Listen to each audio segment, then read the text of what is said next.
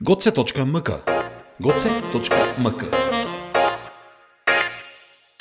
Техничките науки долги години ги следи епитетот на неатрактивност, најчесто на сметка на обштествените, кај и секогаш интересот за изучување е многу поголем. Трендот за иселување на младите се почувствува воопшто во сите области на образованието со недостаток и се помал број на ученици и средношколци, а нормално со поголема силина се манифестира токму кај техничките науки. Во целата таа ситуација сликата навидум ја подобрува големиот интерес за информатичките студиски програми, но тоа не го надоместува вакуумот кој го има кај инженерскиот кадар. Од година во година бројот на запишани студенти на техничките факултети се намалува, а стопанството може да дојде во ситуација да не може да го обезбеди потребниот кадар. Поради ваквите состојби, goce.mk и универзитетските медиуми реализираа онлайн анкета меѓу студенти и средношколци за да се дознаат мислењата за причините за ваквите состојби. Одговорите добиени од учесниците во анкетата генерално се слични на оние и за другите области. Се споменува праксата, неусогласеноста на студиските програми со реалниот сектор, делумно се спори и стручноста и подготвеноста на образовниот кадар. Интересно е дека поголем дел од анкетираните изјавуваат дека не мислат да заминат во странство, а како една константа во одговорите е дека одлуката за да се студира на природни и технички науки е поради тоа што лесно може да се дојде до вработување. Дека бројот на студенти се намалува потврдува и професор доктор Ѓорги Димов, декан на факултетот за природни и технички науки на Универзитетот Гоце Делча Штип.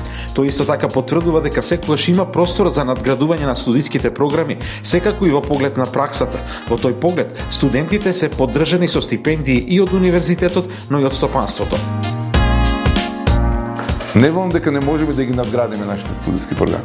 Ние имаме а, и пет инженерски студиски програми на нашиот факултет. Рударство, геологија, заштита на животната средина, индустријска логистика и архитектура, дизајн на мебел и интериор. Значи, може ли, можеме овие студиски програми да ги зајакнеме во делот на дуалното образование. Значи, постои дел каде што ние кажуваме за практична настава, постои дел каде што димензионираме таа практична настава, каде што реално изведува таа практична настава, но не велам не дека може би треба тоа да го зголеми.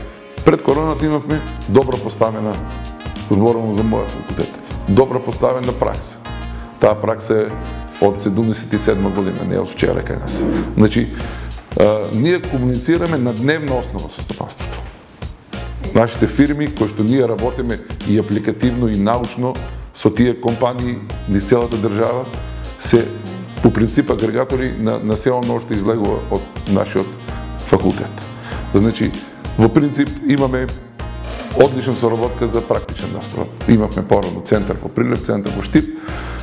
Сите руднички капацитети, проектантски фирми околу Прилеп и Битола, заедно со гигантот енергетскиот комбинат Рек Битола, ги собира нашите студенти, имавме законска обрска еден месец во годината да тие студенти согласно законските одбридни одредби на веќе поминатиот закон за минатиот закон за за високо образование да тие бидат еден месец во рамките на на на тие компании кои што ќе стекнуваат искуство. Значи имавме идеална соработка. Ние не запишуваме огромен број, број на студенти реално и нема потреба од огромен број на рударски и геолошки инженери.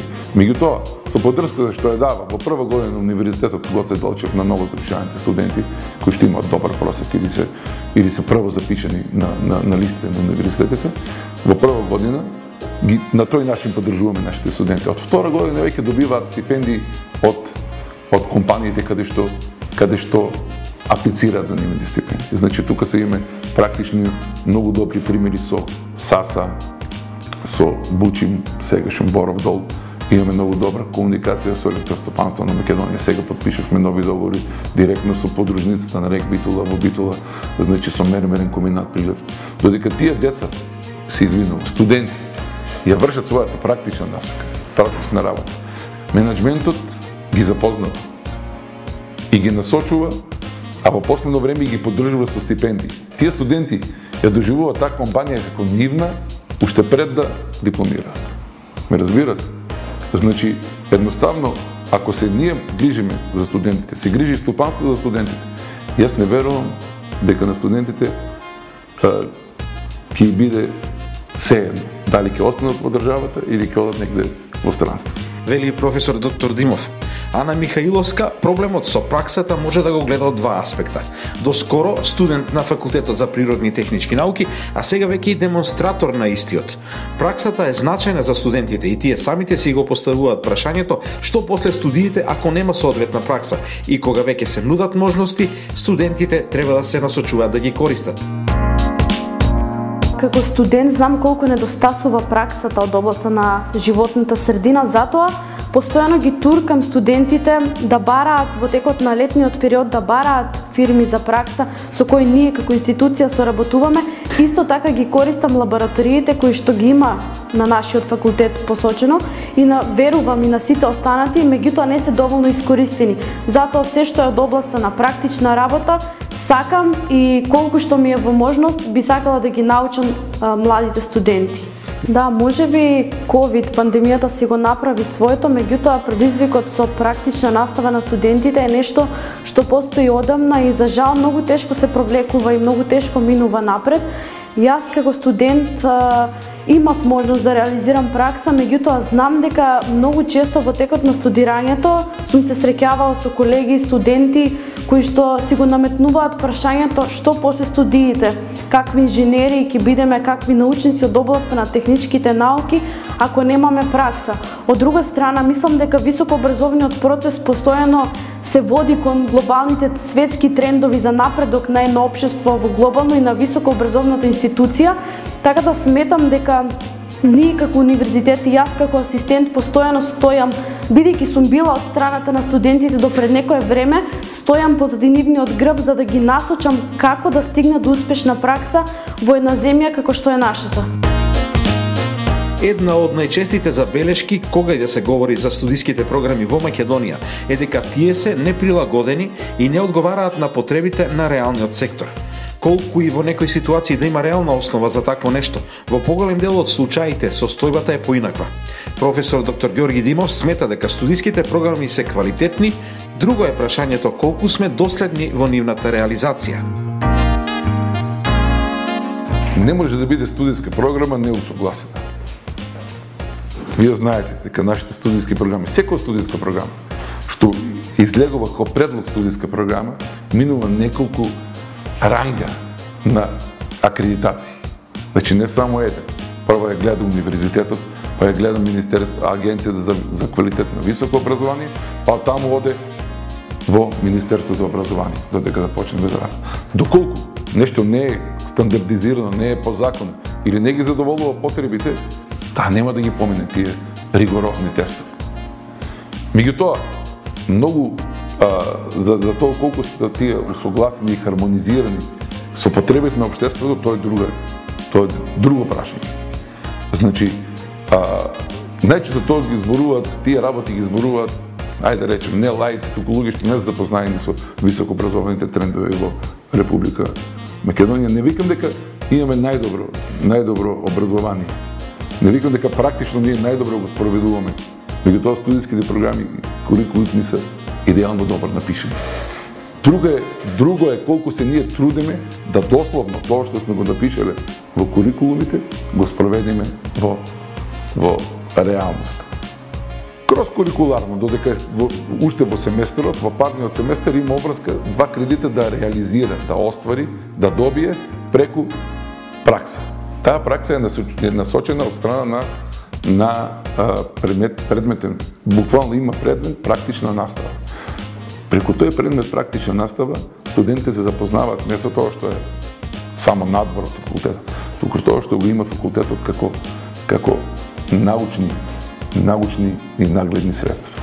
Значи факултетот за природни и технички науки, знаете, ние сме легитимни наследници на Рудерско-геолошкиот факултет кој што едноставно порасна, надрасна и од 2008 година, освен рударство, геологија и животна средина, индустријска логистика, добивме уште некои студиски програми, па моравме да станеме факултет за природни технички науки. Низ од пет, пет деценијски развој сме креирале можност да нашите студенти ги едуцираме и во нашите лаборатории. Значи, постојат лаборатории буквално од секоја област, каде што студентите можат својата практична настава да ја реализираат во рамките на универзитетот. Праксата останува еден од најзначајните делови од реализацијата на студиските програми, што се покажува и во интересот на компаниите да ги следат и стипендираат студентите во текот на целото нивно студирање.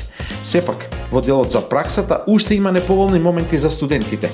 Тие често и се одбивани од некои компании, а проблем е и тоа што праксата кај нас е во најголем дел неплатена.